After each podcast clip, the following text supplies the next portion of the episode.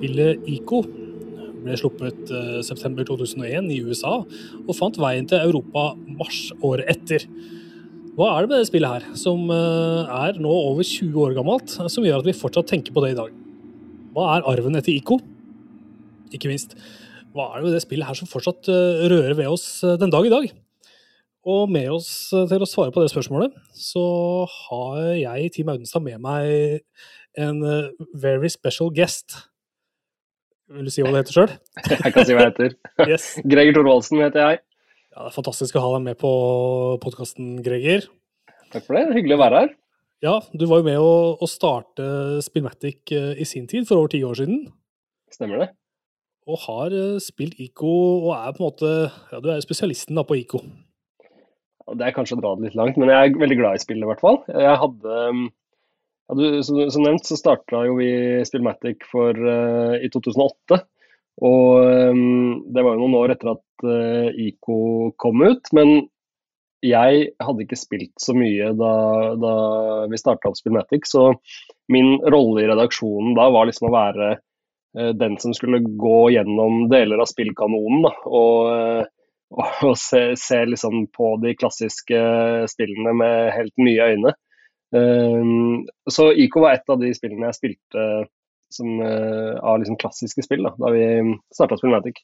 Og uh, ja, husker at jeg blei veldig, veldig fascinert. Og som du sa, det er liksom en, uh, et spill jeg husker fortsatt en dag i dag, med varme og gode minner.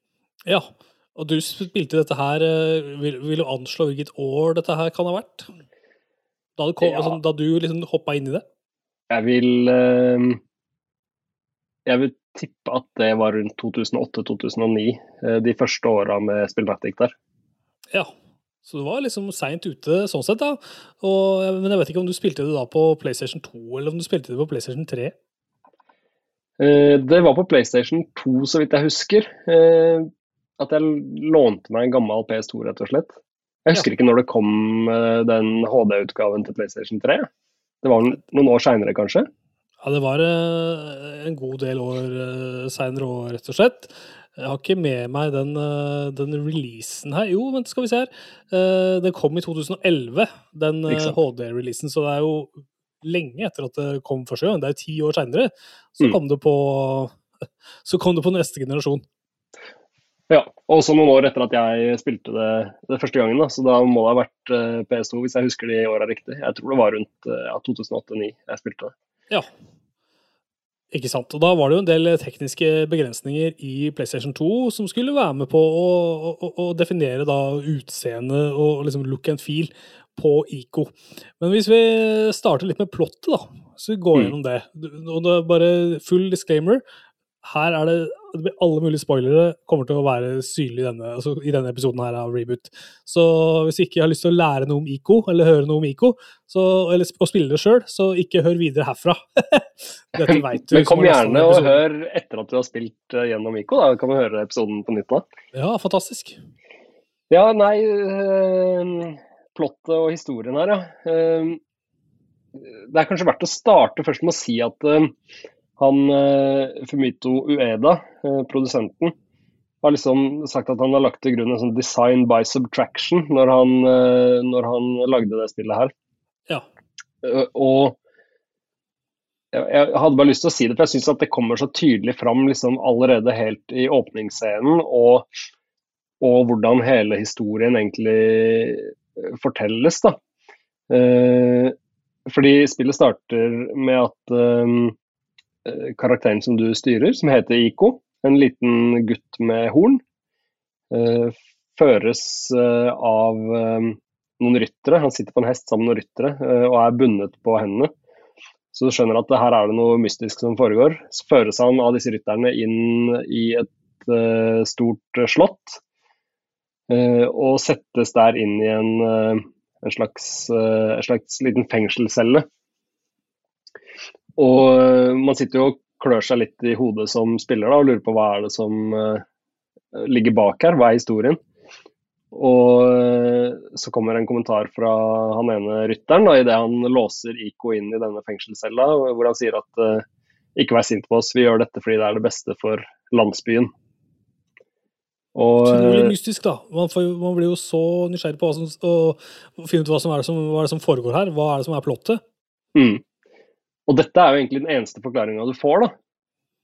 Og jeg syns liksom allerede der at uh, spillet skiller seg veldig ut fra uh, historiefortelling i ganske mange andre spill, uh, hvor ting er så utrolig tydelige, da. Jeg har spilt liksom kjempebra spill som jeg setter stor pris på, um, men med andre i rommet som har gjort noe annet mens jeg har spilt det. Og ja. da hører jeg liksom det spillet med deres ører på et vis. Det er en utenforstående syn inn på spillet. Og da slår det meg liksom hvor overforklarende og ganske teit da, eh, historiefor, historiefortellinga veldig ofte er, selv i liksom veldig, veldig gode dataspill. Mens, ja, ofte overforklart, da. At det er øh, Nå skal jeg gå inn her, fordi her venter den fienden. At det er litt mm. sånn.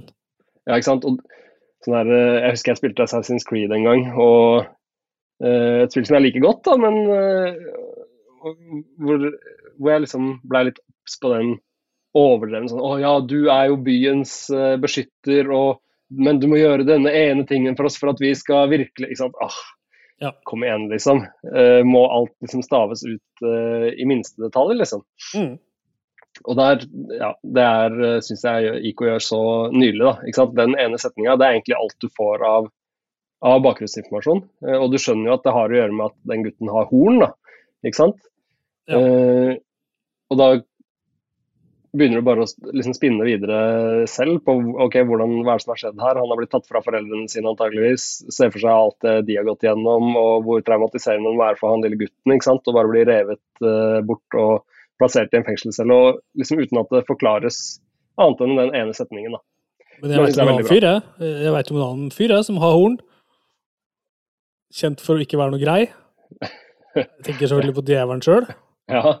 Så man blir jo litt nysgjerrig, da. Det er jo, det er jo sterke signaler å sende når du gir eh, hoved, altså protagonisten eh, horn mm. i et spill, og du skal ha eh, empati med den karakteren. da. Så Da blir man, mm. blir man veldig nysgjerrig. sånn jeg tror, ikke, jeg tror, ikke, alle tenker over det, men jeg tror det, er, at det spiller på noe sånn instinkt. Noe, altså for dette her er historier vi har hørt fra vi er veldig små, eh, om Gud og, og, Satan, på en måte. Mm. Absolutt. Men sånn Nei, så er det, ikke nødvendigvis i spillet her, da. Men, det, men tankene begynner å fare, ikke sant, når man ser mm. dette her. Ja. Nei, så det er, det er um, tankevekkende fra første stund, på sin uh, liksom enkle, veldig enkle måte. Ja. Fint. Uh, det, det er bare, dette er bare introen, så hva skjer videre? Hva skjer vi har jo ikke starta å styre karakterene ennå engang. Uh, men uh, det som skjer, er at uh, denne fengselscella av en eller annen merkelig grunn åpner seg, og vi beveger oss da ut, ut, av den og begynner å kikke oss rundt i det svære rommet som, som vi er inne i. Diger liksom sal med ja, steinvegger og det er liksom virkelig monumental arkitektur. da. Veldig. Eh, og, og, så ser man, når man utforsker dette området, så får man til slutt øye på en, eh, en kvinnelig karakter, en jente, som eh, ser eh, noen få år eldre ut enn en Iko. Eh, som er eh, helt lys, og det lyser liksom fra henne på et vis, nesten. Så man kan jo fortsette å trekke den analogien din eh, litt videre. da, ikke sant? Og tenke på, Det er jo nesten, eh, framstår nesten som en sånn representasjon på det guddommelige. ikke sant? En engel, rett og slett, i hvitt. Ja. Og um, uten noen liksom videre forklaring, så Man skjønner jo liksom at man skal oppsøke denne jenta, da, som er fanga i et bur. Um, og ja, man starter rett og slett med å prøve å komme seg til det buret som henger ned fra taket i denne enorme salen. Og det, Dette setter liksom um, standarden for mesteparten av gameplayet i resten av spillet, egentlig. Uh, det handler jo i veldig stor grad om å komme seg gjennom et rom, klare å komme seg liksom ut av rommet eller forbi en hindring i rommet, eller um, utløse noen mekanismer som gjør at liksom, veien videre åpner seg. Uh, og det starter jo allerede her ved at man må komme seg til dette buret, da, ikke sant. Ja. og også her så tenker jeg at den, den designfilosofien til uh, Fumito Ueda uh, gjør seg gjeldende, fordi det er det er ganske enkelt. Selve um, de um, gameplay-messige utfordringene uh, knytta til å komme seg opp til det buret og osv. i spillet, er liksom ikke så utrolig utfordrende eller kompliserte. Uh, jeg husker den første utfordringa her med å komme seg opp til uh, hun Jorda, som hun heter, da, hun uh, jenta.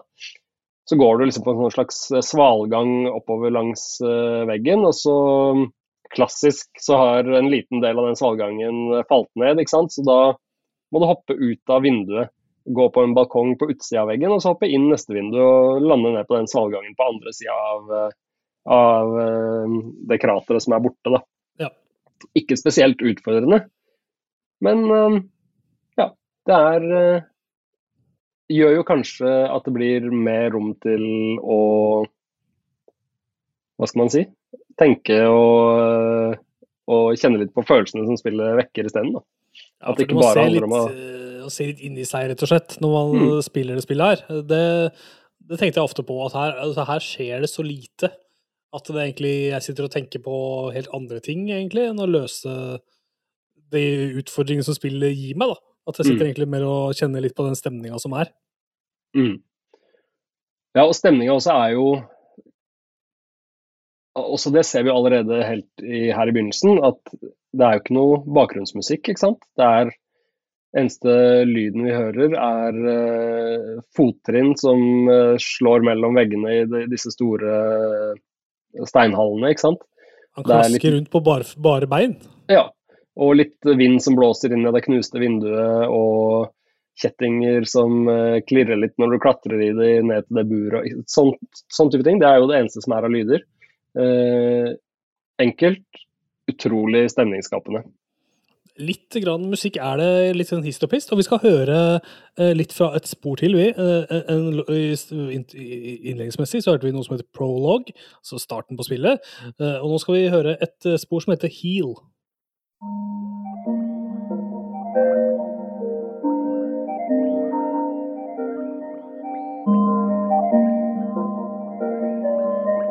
Jeg tenker på en uh, norsk uh, musiker når jeg hører dette her.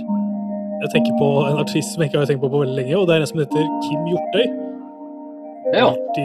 Kunstner uh, og altså, forfatter og musiker og tegner og alt mulig. Han har tegna mange av bøkene til Erlend Loe, blant annet. Jeg føler jo den musikken her fanger litt den, den tida som var. Altså sånn Jeg føler dette er lydbildet av musikken på rundt, rundt sånn 2000, litt, litt, sånn rundt der. Mm. Det er liksom den type ambient uh, vibla som vi, som vi fikk litt mer da. Jeg, det, det, jeg har ikke hørt denne type musikk på veldig veldig lenge, kjenner jeg. Og det, jeg syns det er veldig avslappende og godt å høre på. Jeg kunne ha, ja, jeg kunne ha vært på spa, liksom og hørt på de greiene her. Vi skal høre mer fra soundtracket litt seinere, men jeg syns det er utrolig avslappende og fint å høre på, og, og passer bra til spillet. Mm. Absolutt. Um, jeg har lyst til å snakke litt, om, eh, litt mer om hun jenta, Jorda. Ja. Og forholdet mellom Iko og Jorda. Det er jo Det er vel kanskje det hele spillet handler om, hvis vi skal være helt, uh, helt ærlige. Mm. Um, vi får jo redda henne ut av det buret som vi snakka om i stad. Eh, og skjønner at eh, vi må hjelpe henne å Altså Vi må rømme sjøl fra dette, dette, slottet, og vi må hjelpe henne å komme seg ut også. Hun er jo åpenbart tatt til fange hun òg, inni dette buret. Ja. Rett etter at vi har, uh, har um, fått henne ut av buret, så dukker det også opp noen svarte skyggekarakterer.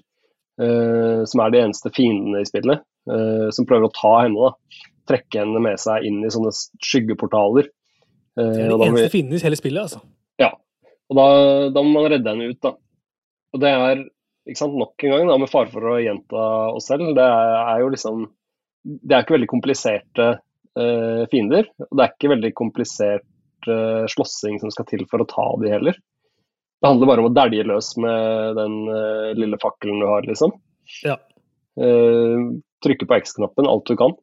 Men Så det er liksom ikke det det handler om. Det, det, er, det er, ikke et uh, Ja, et spill hvor du skal lære deg eh, riktige knappekombinasjoner. Det handler bare om å få de unna, så du kan hjelpe Jorda ut. da.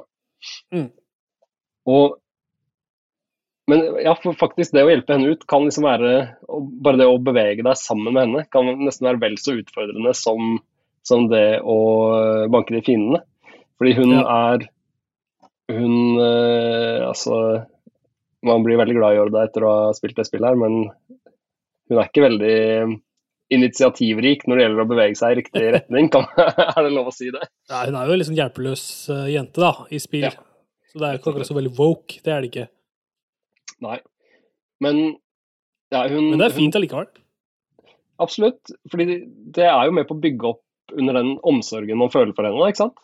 Her må du virkelig ta vare på henne. Du må rope på henne for å få henne til å gå riktig vei. Du må av og til gå bort og ta hånda hennes, som er en veldig fin eh, mekanikk, og leie henne dit dere skal.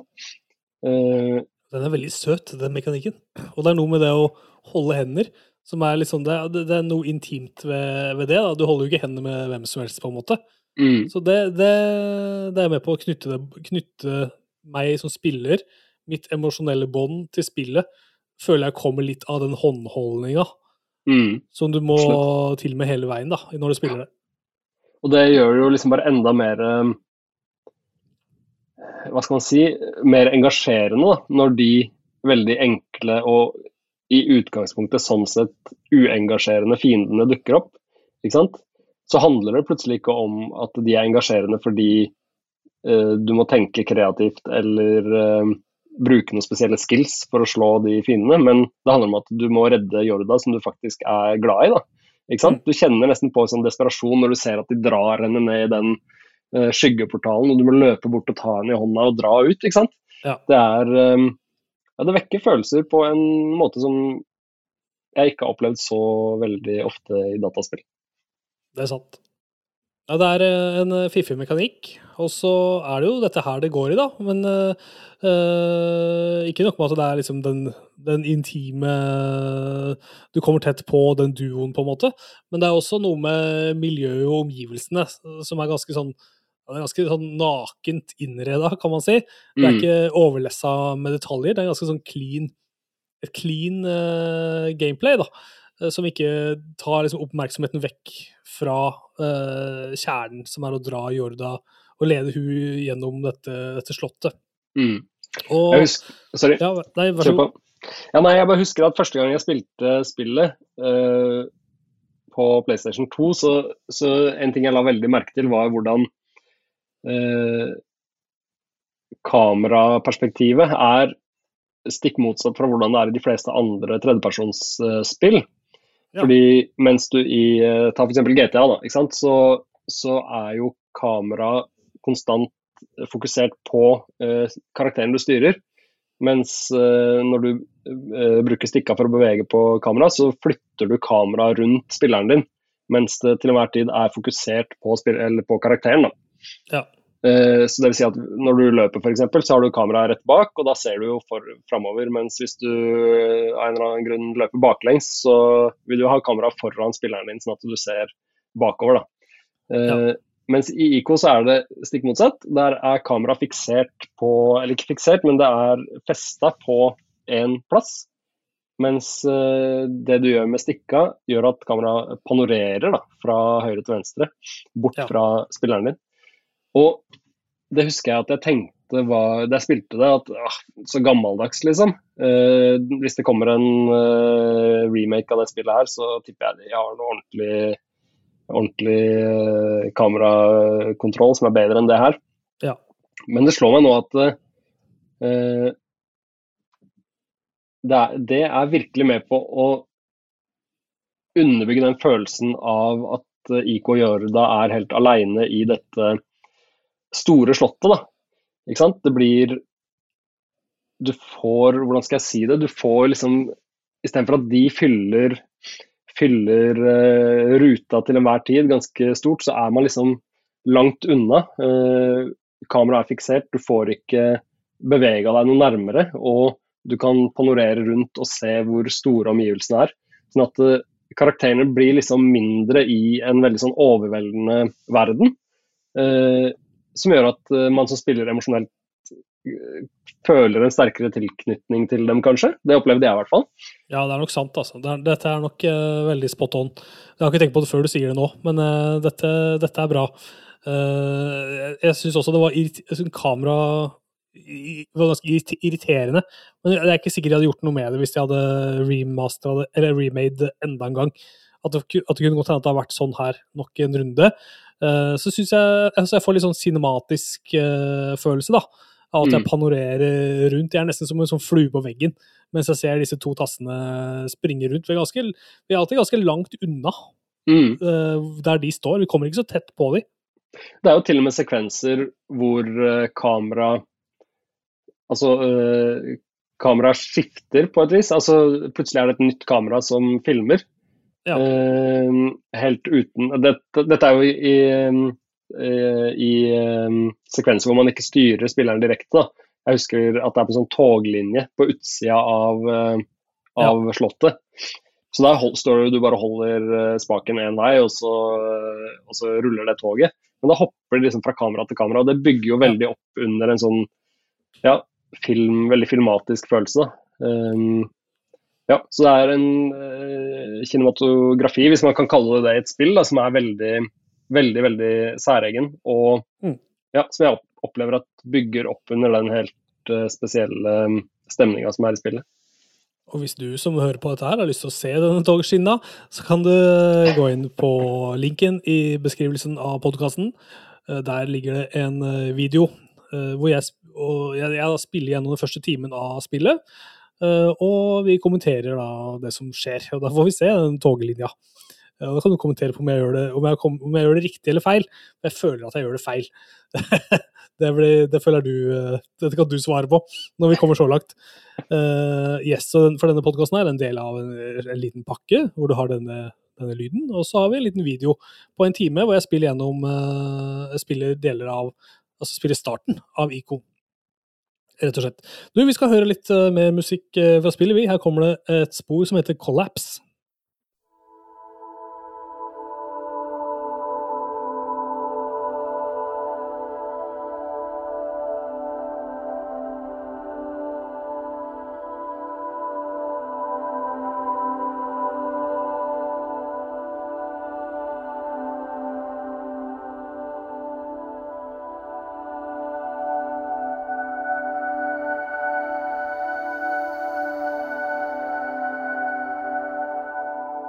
Rimelig ambiente greier.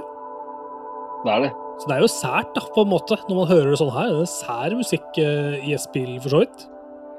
Og det er jo et sært spill òg. Vi må jo være så ærlige. Det må vi huske på. Dette er altså, et sært spill. Det er et kjempefint og et, et kjempefint spill, og et spill som har påvirka mange av de spillene vi spiller i dag, tror jeg, i ganske stor grad. Men, ja, det har vært mange spillregissører og produsenter som har referert til ICO eh, som en eh, referanse, både visuelt og med, med story. da. Eh, Sjøl er jeg jo glad i Dark Souls-serien, og når jeg ser da eh, disse slotta, eh, dette slottet i ICO, eh, så tenker jeg med en eneste gang på slottet i Dark Souls 1, som er det første området du kommer til når du spiller det spillet. Uh, og en annen sånn designting som jeg syns jeg kjenner igjen, er at jeg føler at jeg kan gå i ICO overalt hvor jeg ser. Hvis jeg ser en plass, så kan jeg gå dit. Mm. På et bare... senere tidspunkt, kanskje, men ja, ja, på et senere tidspunkt mm. så vil jeg sannsynligvis stå der, da. Det føles jeg får.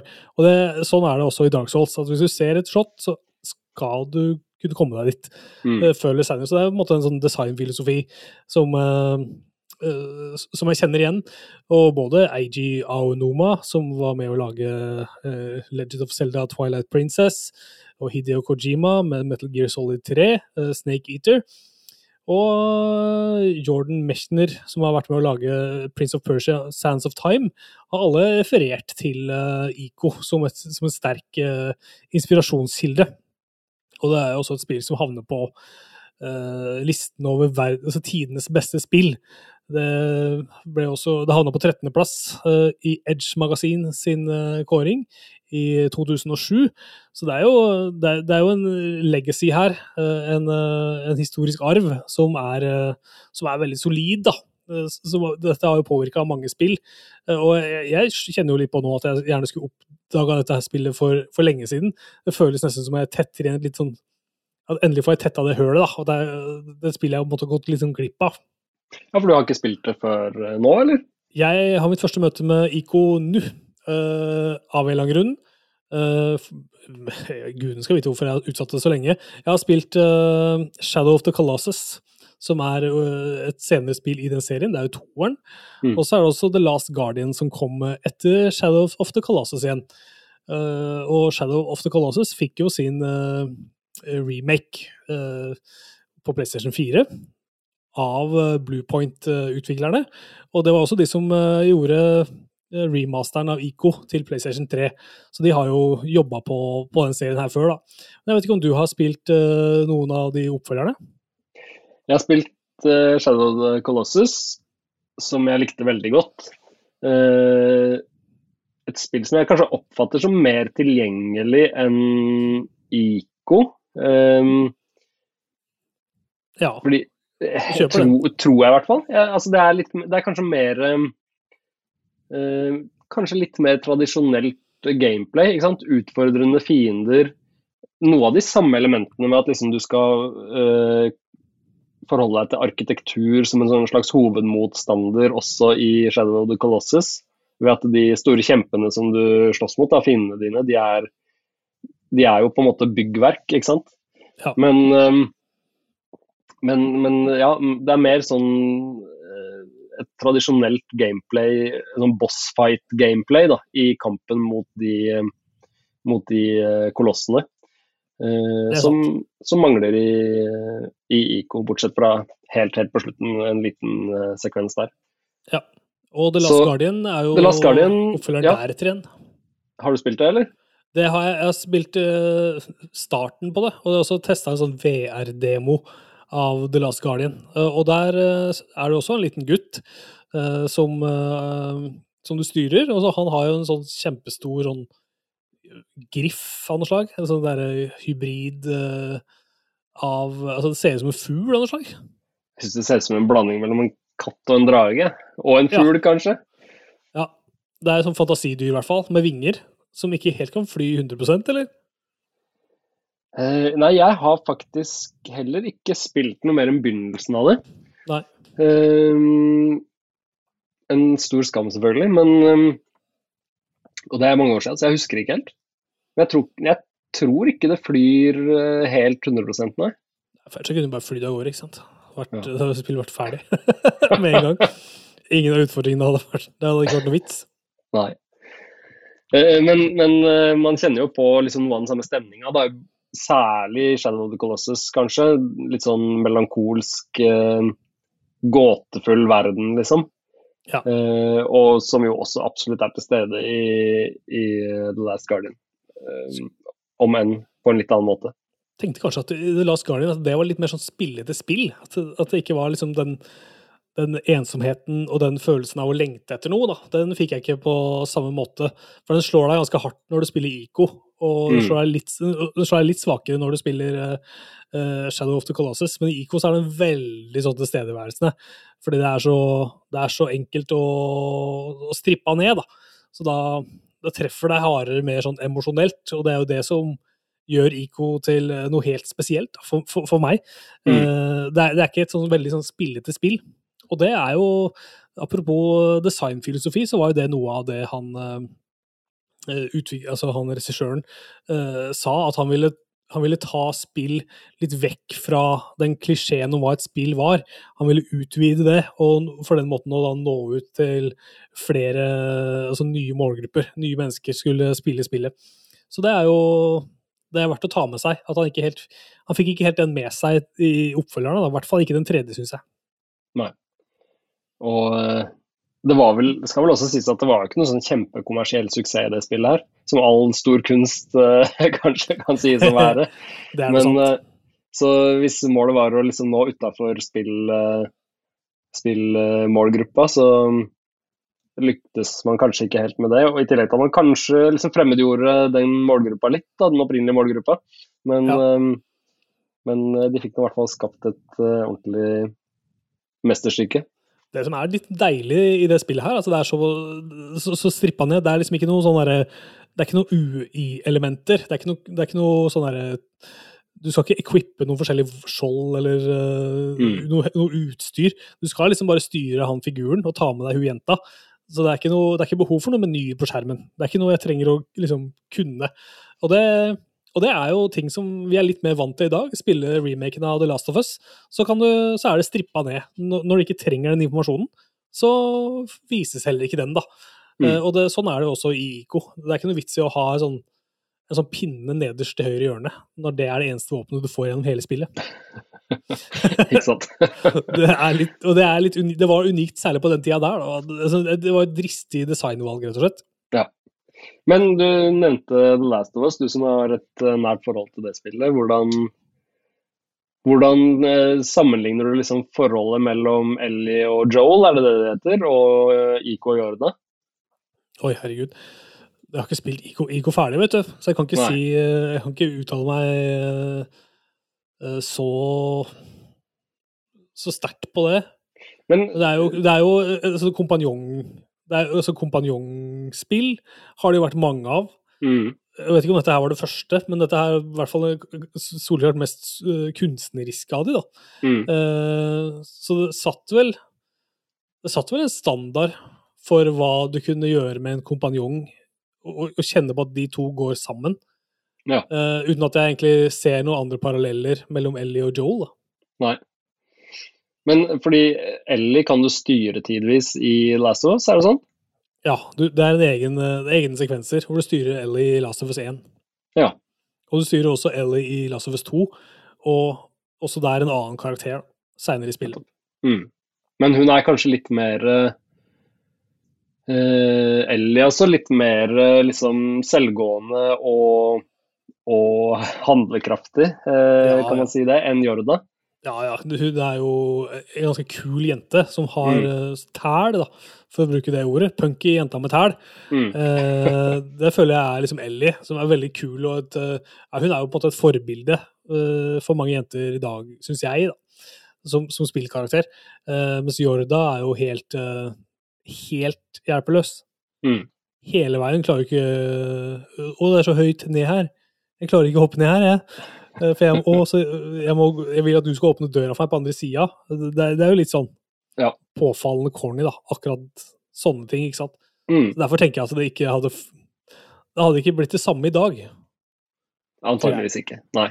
Det er jo, jeg leste det Jeg leste noen artikler om spillet her før, før vi skulle lage denne podkasten.